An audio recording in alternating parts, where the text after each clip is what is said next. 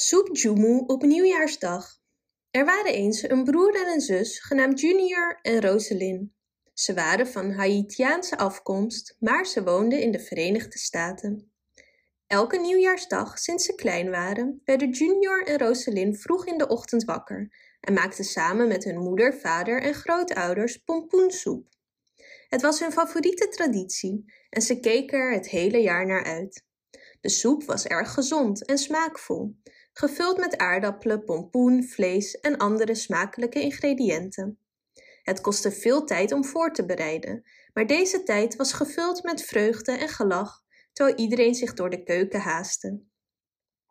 Op een zekere nieuwjaarsdag, toen ze gingen zitten om hun soep te eten, vertelden hun vader en moeder hen het verhaal van de Haitiaanse nieuwjaarstraditie van het eten van soep jumu.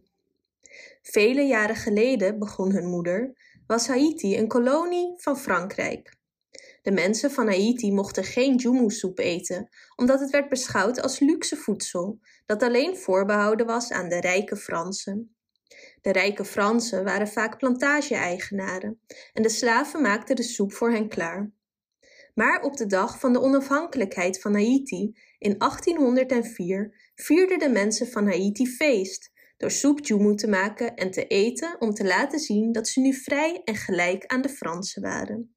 En sindsdien, elk jaar, hebben we deze traditie op nieuwjaarsdag voortgezet om onze geschiedenis en onze vrijheid te herdenken.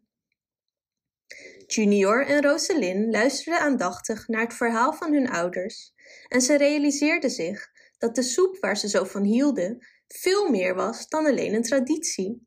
Het was een symbool van hoop, veerkracht en trots op hun Haitiaanse erfgoed. Vanaf die dag herinnerden ze zich elke keer dat ze op nieuwjaarsdag soep aten, het verhaal van hun voorouders en het belang van de traditie. En ze waren dankbaar voor de vrijheid en gelijkheid die ze genoten in hun eigen leven. En ze waren trots op hun erfgoed en de sterke traditie. Toen de kinderen opgroeiden en hun eigen gezin hadden, kwamen ze nog steeds altijd samen op nieuwjaarsdag om de soep als gezin te bereiden en verhalen uit het verleden te delen, zodat de nieuwe generatie zich het belang van de traditie zal herinneren. Bedankt voor het luisteren. Wist je dat je dit verhaal ook op onze website ririro.com/nl kunt lezen, downloaden en printen?